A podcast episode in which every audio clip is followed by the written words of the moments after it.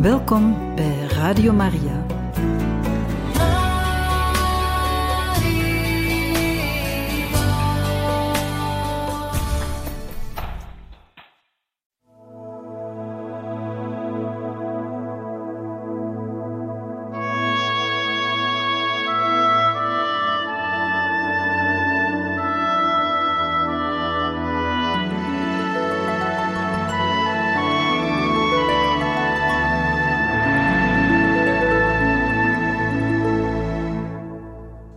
Het jaar 1940. Geestelijke oefeningen gedaan door Johannes de 23ste van 25 november tot 1 december 1940. Therapia aan de Bosporus in het buitenhuis van de zusters van onze lieve vrouw van Sion. 1. De omstandigheden van de oorlog hebben dit jaar geen retraite mogelijk gemaakt bij de Jezuïeten te Ayaspassa. Ik neem op het ogenblik de zaak van de rector waar, hier bij deze goede zusters die bejaard en buiten dienst zijn en die hier naartoe gevlucht zijn uit de huizen te Jassi en Galats in Roemenië.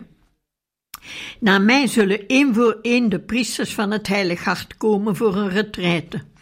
De eenzaamheid hier is werkelijk ideaal en verrukkelijk. Mijn Jezus, ik dank u en ik loof u.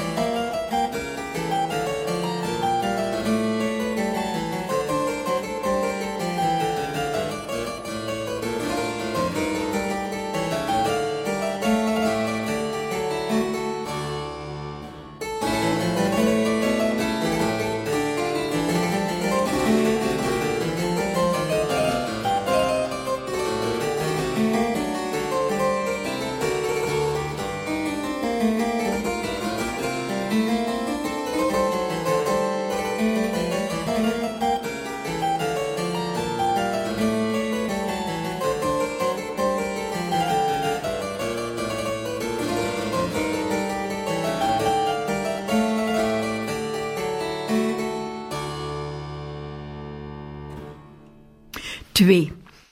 Ik heb deze dagen voor mijn retraite gekozen omdat het de eerste dagen van mijn zestigste jaar zijn. Ik kom dus in de periode waarin iemand oud begint te worden en dit ook van zichzelf zegt. Dat tenminste de ouderdom één enkele poging mag zijn om de volmaaktheid te bereiken die ik als bisschop zou moeten bezitten, maar waar ik nog zo ver van verwijderd ben. Het betekent al iets de aanvang ervan te heiligen met gebed en meditatie. Zeker is dit de Heer welgevallig. Het is een smeekbede om medelijden.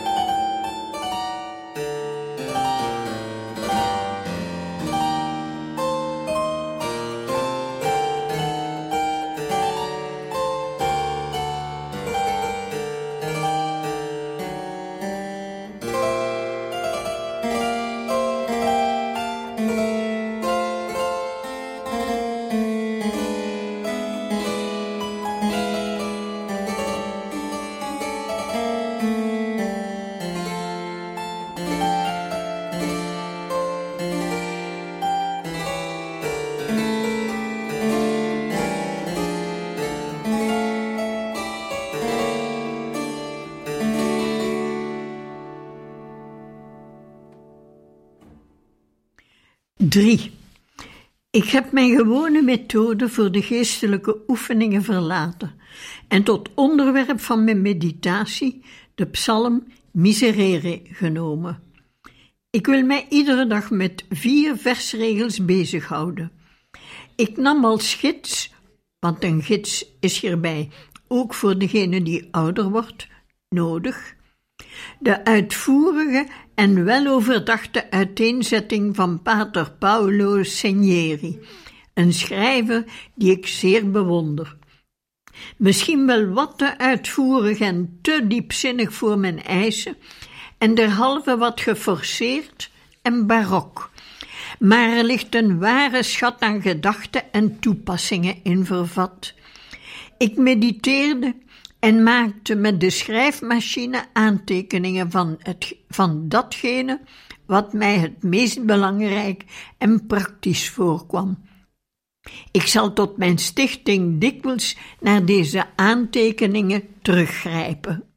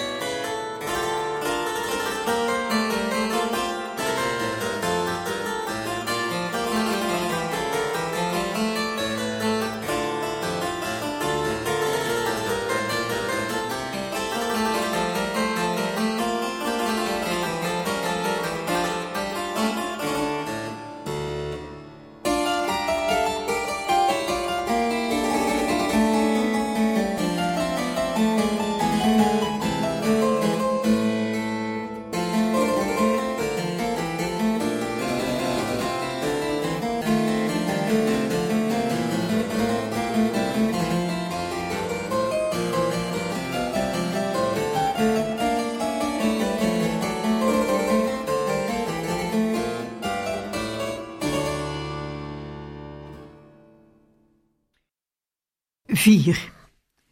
Het resultaat van deze geestelijke inkeer? Niets bijzonders of opwindends, maar naar het mij toeschijnt een versterking van de beginselen en van de houding tegenover God en tegenover het probleem van mijn armzalig leven en mijn heilig ambt in dienst van de Heilige Kerk. Ook al wil ik geen nadruk leggen op het begin van deze laatste, misschien snel voorbijgaande en korte levensfase, toch voel ik dat ik ernstiger en rijper ben geworden ten opzichte van alles wat mij interesseert en omringt. Ik zou zeggen, er is meer afstand tot alles wat mijn toekomst betreft, een duidelijkere onverschilligheid tegenover al het geschapene. Een langzaam en licht verbleken van de omtrekken der dingen personen, plaatsen en taken waaraan ik vroeger meer persoonlijke vreugde beleefde. een aanzienlijk grotere bereidheid om te begrijpen en deernis te voelen en een grotere helderheid en rust bij indrukken en beoordelingen. Ik zal ervoor zorgen de schone eenvoud van woord en daad te bewaren en mijn houding in niets te overdrijven, maar tegelijkertijd moet mijn optreden tegenover iedereen waardig en voornaam zijn, zoals het een oude prelaat past die een sfeer van waardigheid, wijsheid en genade rondom zich verbreidt.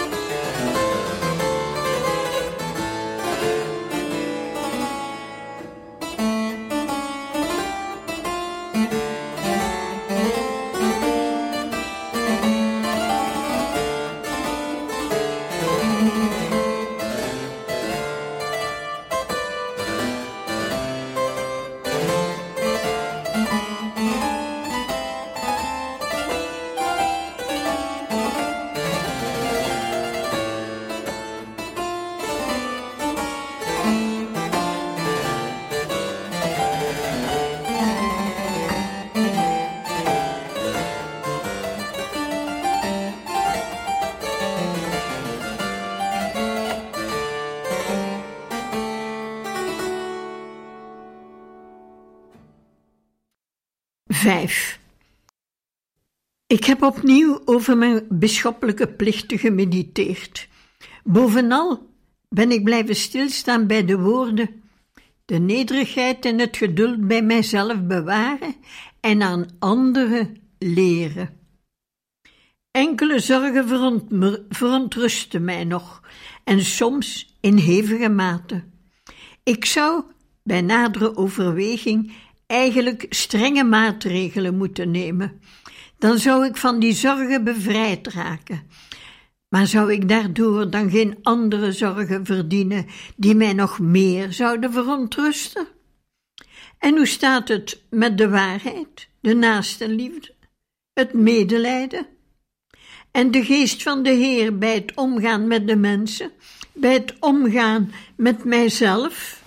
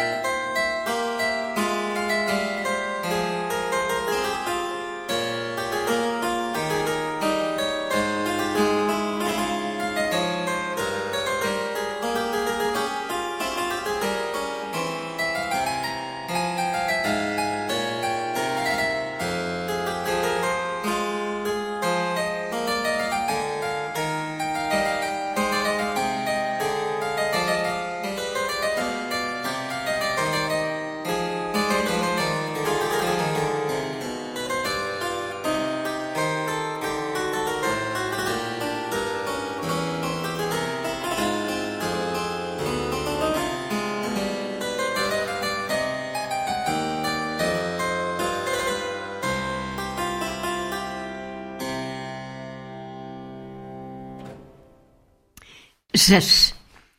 Dit jaar heeft de voorzienigheid mij belangrijke bedragen aan geld in handen gegeven om er persoonlijk over te beschikken. Ik heb het gedeeltelijk onder de armen verdeeld en gedeeltelijk voor mijn persoonlijke behoeften en ter ondersteuning van mijn familieleden gebruikt. Het grootste gedeelte heb ik bestemd voor de restauratie van de apostolische delegatie en voor de inrichting van enkele vertrekken voor mijn priesters in Santo Spirito. Volgens de mening van de wereld, die ook een beetje heerst in gewijde kringen van de klerus, ben ik, volgens het criterium van het menselijk verstand, een arme dwaas geweest. Nu ben ik opnieuw arm. Gezegend zij de Heer. Ik geloof dat ik mij met Zijn genade goed gedragen heb. Ik vertrouw mij opnieuw, ook voor de toekomst, aan Zijn goedheid toe. Geef en u zal gegeven worden. 7. De studie van de Turkse taal. Zeker, met mijn zestig jaren moet ik niet terugschrikken voor deze moeite. Het gaat om een goede en energieke wil, om niets anders. Het zou al een grote verdienste zijn als deze inspanning nergens anders toe zou dienen dan tot het geven van een goed voorbeeld. Aantekeningen. Maandagavond 25 november. Gisteren heeft de Heilige Vader Pius XII de gehele wereld gevraagd zich met hem te verenigen om rouwmoedig de litanie van alle heiligen en het miserere te zingen. En wij verenigen ons allen uit oost en west om met hem te bidden. Ik heb mij hier geheel alleen teruggetrokken voor de geestelijke oefeningen, zoals de Heilige Vader dit in deze dagen in het Vaticaan doet, en ben zo het zestigste jaar van mijn arm leven begonnen. 25 november 1881 tot 1940. Ik geloof dat er niets nuttigers voor mij bestaat dan tevens als bijdrage tot het welzijn van een ieder terug te keren tot de boetepsalm. Ik verdeel de twintig verzen en neem er iedere dag vier om over te mediteren. Ik volg min of meer de verklaring van het Miserere van Pater Signeri, doch ik laat daarbij de nodige ruimte aan persoonlijke ingevingen en toepassingen. Om de diepe betekenis van de psalm te begrijpen, is het zeer nuttig dat ik mij volledig rekenschap geef van het beeld van de koninklijke profeet en de omstandigheden van zijn berouw en zijn smart. Het is een koning die gevallen is.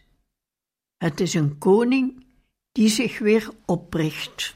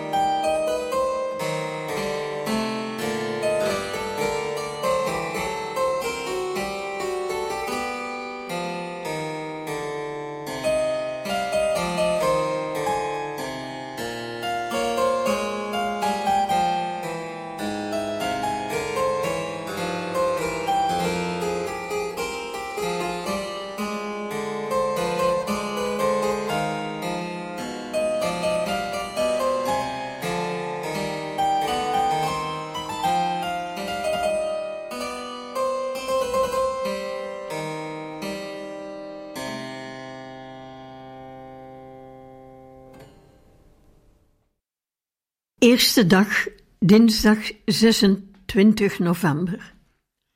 Vers 1. Ontferm u over mij, o God, overeenkomstig uw grote barmhartigheid. 1. De weeklacht van de volkeren. Deze komt tot mij uit alle delen van Europa en van de wereld. De dood en verderf zaaiende oorlog, die te land, ter zee en in de lucht woedt, is niet anders dan een vergelding van de goddelijke gerechtigheid, want de heilige geboden die de menselijke gemeenschap opgelegd waren, zijn overtreden en geschonden.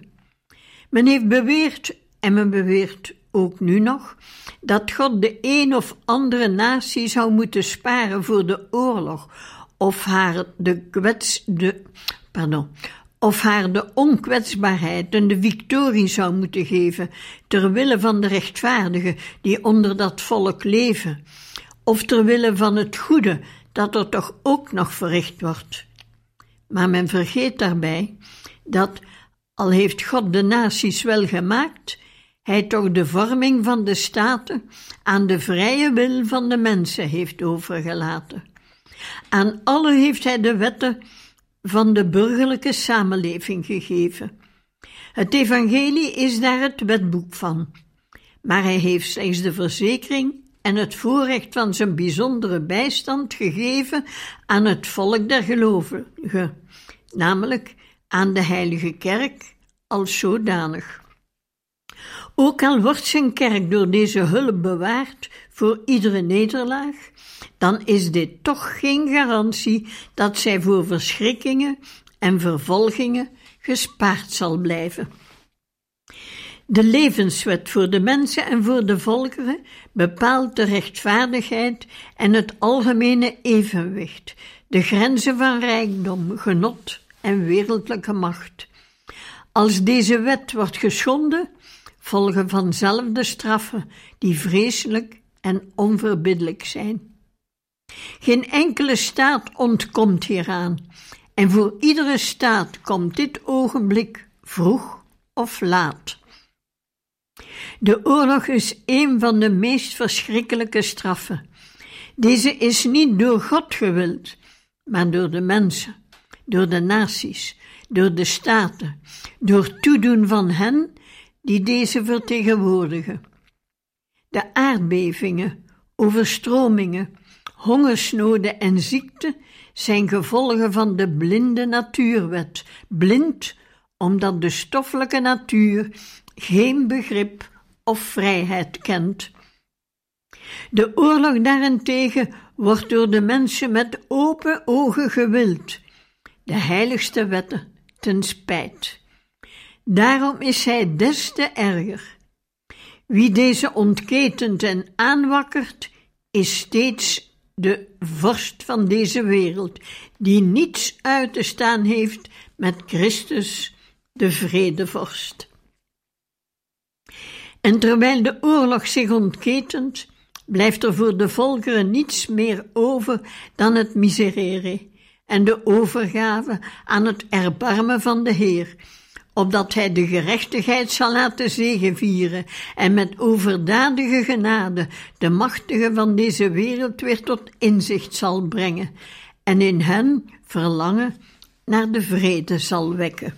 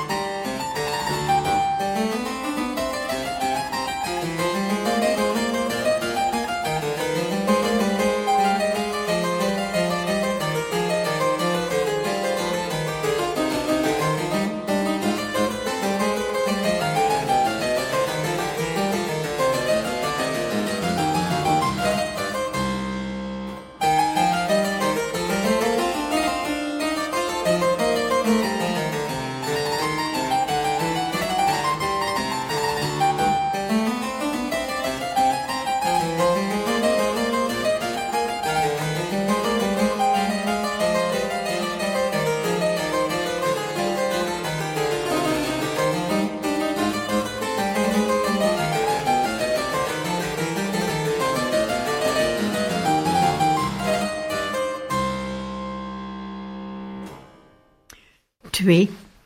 De weeklacht van mijn ziel. Wat er in de wereld in het groot plaatsvindt, gebeurt in het klein in de ziel van eenieder en gebeurt ook bij mij. Het was een genade van de Heer dat ik zelf niet door het kwaad werd aangetast. Er zijn bepaalde zonden die men kenmerkend zou kunnen noemen, die van David, die van de heilige Petrus, die van de heilige Augustinus. Maar waar zou ik zelf terecht gekomen zijn als de hand van de Heer mij niet weerhouden had? De meest voortreffelijke heiligen hielden lange en zeer strenge boetedoeningen voor kleine vergrijpen. En velen, ook van de laatste tijd, leefden alleen maar voor boetedoening. En er zijn mensen wier leven ook nu nog boete is voor eigen zonde en voor de zonde van de wereld. En ik, die mijn gehele leven altijd min of meer zondaar ben, zou ik dan niet voortdurend moeten wenen? Ik ben, ik vroeg u geen lofprijzing die mij doet beven. Het weinige dat ik van mijzelf weet, is voldoende om mij beschaamd te maken. Dit beroemde antwoord van kardinaal Federico is nog altijd welsprekend en ontroerend.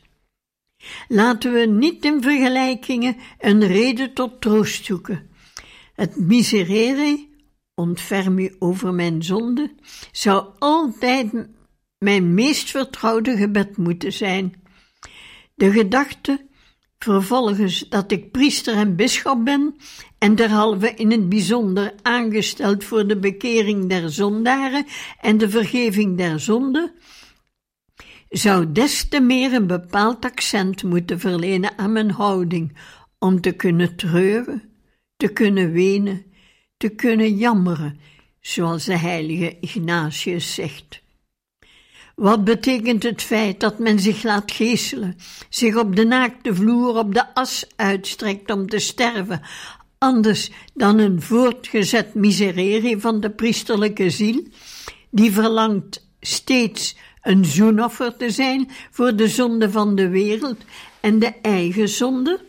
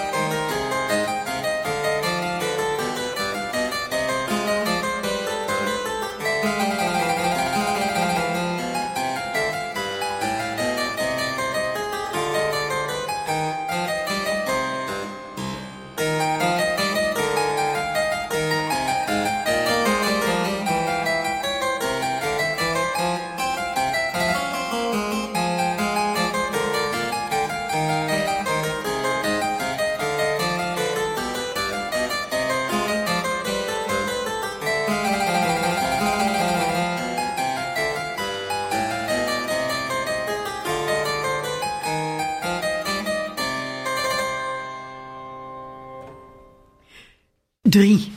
De grote barmhartigheid.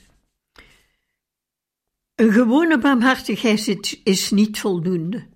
Het gewicht van de sociale en persoonlijke onrechtvaardigheid is zo zwaar dat de gebaar van gewone naastenliefde niet voldoende is om deze te vergeven. Men smeekt dus om de grote barmhartigheid. Deze is in overeenstemming met de grootheid zelf van God Overeenkomstig zijn grootheid is ook zijn barmhartigheid. Het is een waar woord dat onze ellende de troon is van de goddelijke barmhartigheid. Nog beter gezegd is dat de mooiste naam en eigenschap van God deze is barmhartigheid. Dit moet ons te midden van onze tranen groot vertrouwen inboezemen. De barmhartigheid overtreft het oordeel. Dit lijkt te veel gezegd, maar dit kan niet te veel zijn, wanneer het mysterie van de verlossing hier geheel en al op berust en wanneer men in de barmhartigheid een teken van uitverkiezing en redding kan zien. Ontferm u over mij, o God, overeenkomstig uw grote barmhartigheid.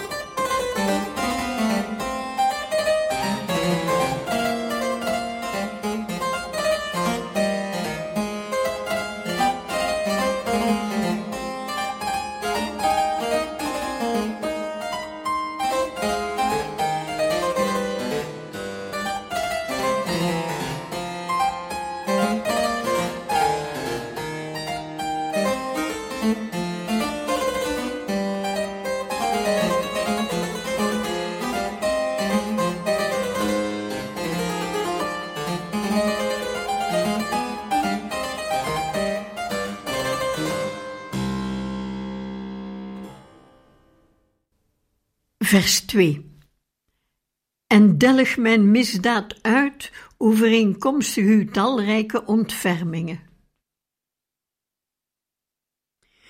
De Heer wordt genadig en barmhartig genoemd. Zijn barmhartigheid is niet slechts een gevoel van het hart, maar een overstelping van weldaden, talrijke ontfermingen. Wanneer men er goed op let hoeveel genade er in de zondige ziel afdalen, wordt men beschaamd. A. Het liefdevol vergeven van de aangedane belediging. B. Het opnieuw meedelen van de heiligmakende genade als aan een vriend of aan een eigen kind. C het herstel van de goddelijke gave, van de eigenschappen en deugden die de genade vergezellen. D. Het herstel van het recht op de hemel. E. Het herleven van de verdiensten die er waren voor de zonde. F. De vermeerdering van de genade die dankzij deze vergeving bij de vroegere genade wordt gevoegd. F. De vermeerdering van de goddelijke gave, die gelijk opgaat met de vermeerdering van genade, zoals bij het stijgen van de zon de stralen langer worden, zoals de rivieren zwellen bij het stijgen van de bron.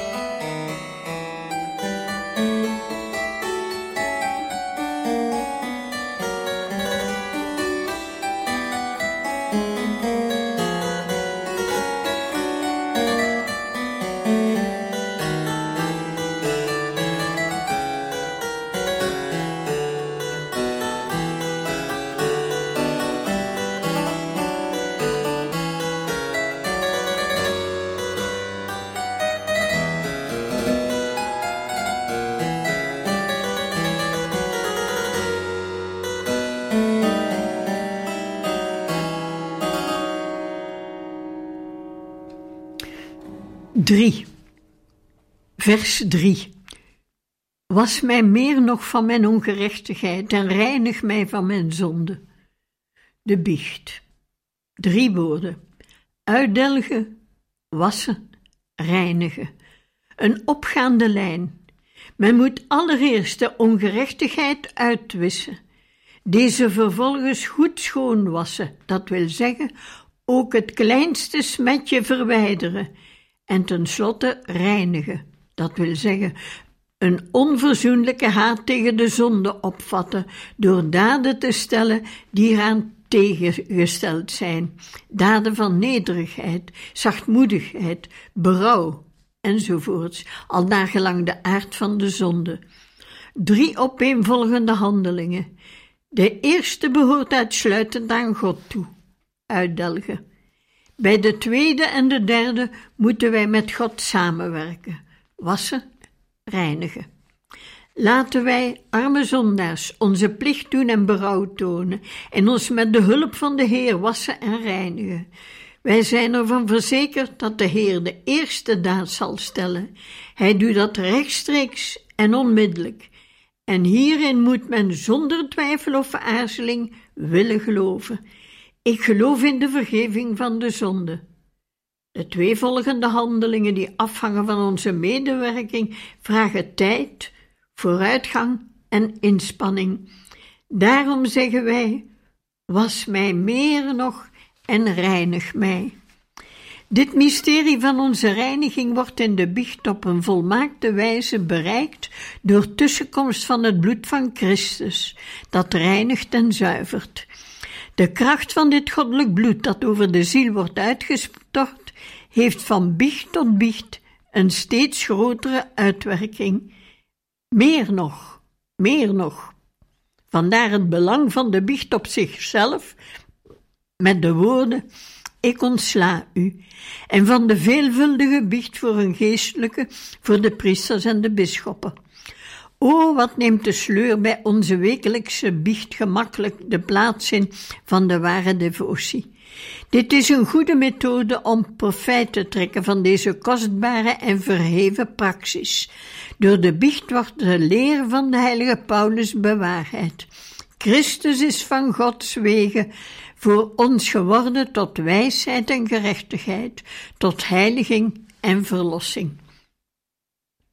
Als ik biecht, moet ik dus bidden dat Jezus mij voor alles tot wijsheid mogen zijn, door het licht dat Hij mij zal geven in een rustig, nauwkeurig en uitvoerig onderzoek naar mijn zonde en naar de zwaarte ervan, opdat ik er oprecht spijt over zal hebben dat hij mij vervolgens tot gerechtigheid mogen zijn als ik verschijn voor mijn biechtvader, als voor mijn rechter en mijzelf oprecht en berouwvol beschuldig. Mogen hij mij vervolgens tot volmaakte heiliging zijn, wanneer ik neerkniel om uit de handen van de priester de absolutie te ontvangen, waardoor mij de heiligmakende genade wordt teruggeschonken of vermeerderd en tenslotte tot verlossing bij het verrichten van dat beetje penitentie dat mij opgelegd wordt, in plaats van de grote straf die ik zou verdienen. Werkelijk weinig penitentie, maar de vergeving is buitenmate groot, daar zij door het sacrament verbonden is met het bloed van Christus, dat erkenning van schuld vraagt en vergiffenis schenkt, wast en reinigt, voor mij en met mij was mij meer nog. Dit moet mijn heilig devies blijven bij mijn biecht. Dit is de zekerste straf van mijn geestelijke groei. Vers 4. Want ik herken mijn ongerechtigheid en mijn zonde staat mij steeds voor ogen. In de oudheid was het adagium ken u zelf reeds een goede basis om eerlijk en waardig te leven. Het diende tot dagelijkse beoefening van de nederigheid die de voornaamste deugd is van volwassenen. Voor de christen, voor de geestelijke, betekent de gedachte een zondaar te zijn, in het geheel geen vernedering, maar een vertrouwelijke en voortdurende offergave aan de Heer Jezus, die ons verlost heeft en ons vergiffenis heeft geschonken. Het is een levendig gevoel van eerbied voor de naaste en voor de zielen van onze medemensen. Het is een beveiliging tegen het gevaar ons te beroemen op onze successen.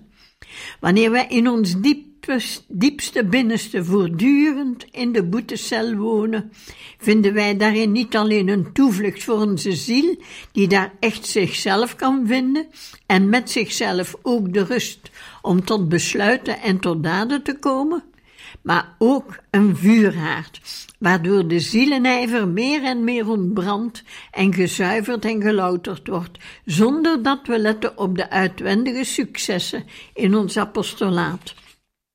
Voor David was het woord van de profeet nodig, gij zelf zijt die man, om bewogen te worden. Maar nu is er de voortdurende aanwezigheid van de zonde als een voortdurende waarschuwing. Mijn zonde staat mij steeds voor ogen.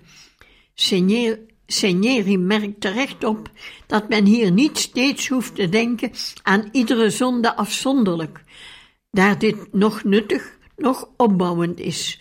Maar het is goed onze herinnering van de vroegere zwakheden voor ogen te houden, ter waarschuwing tot heilige vrees en tot het verkrijgen van geloofsijver.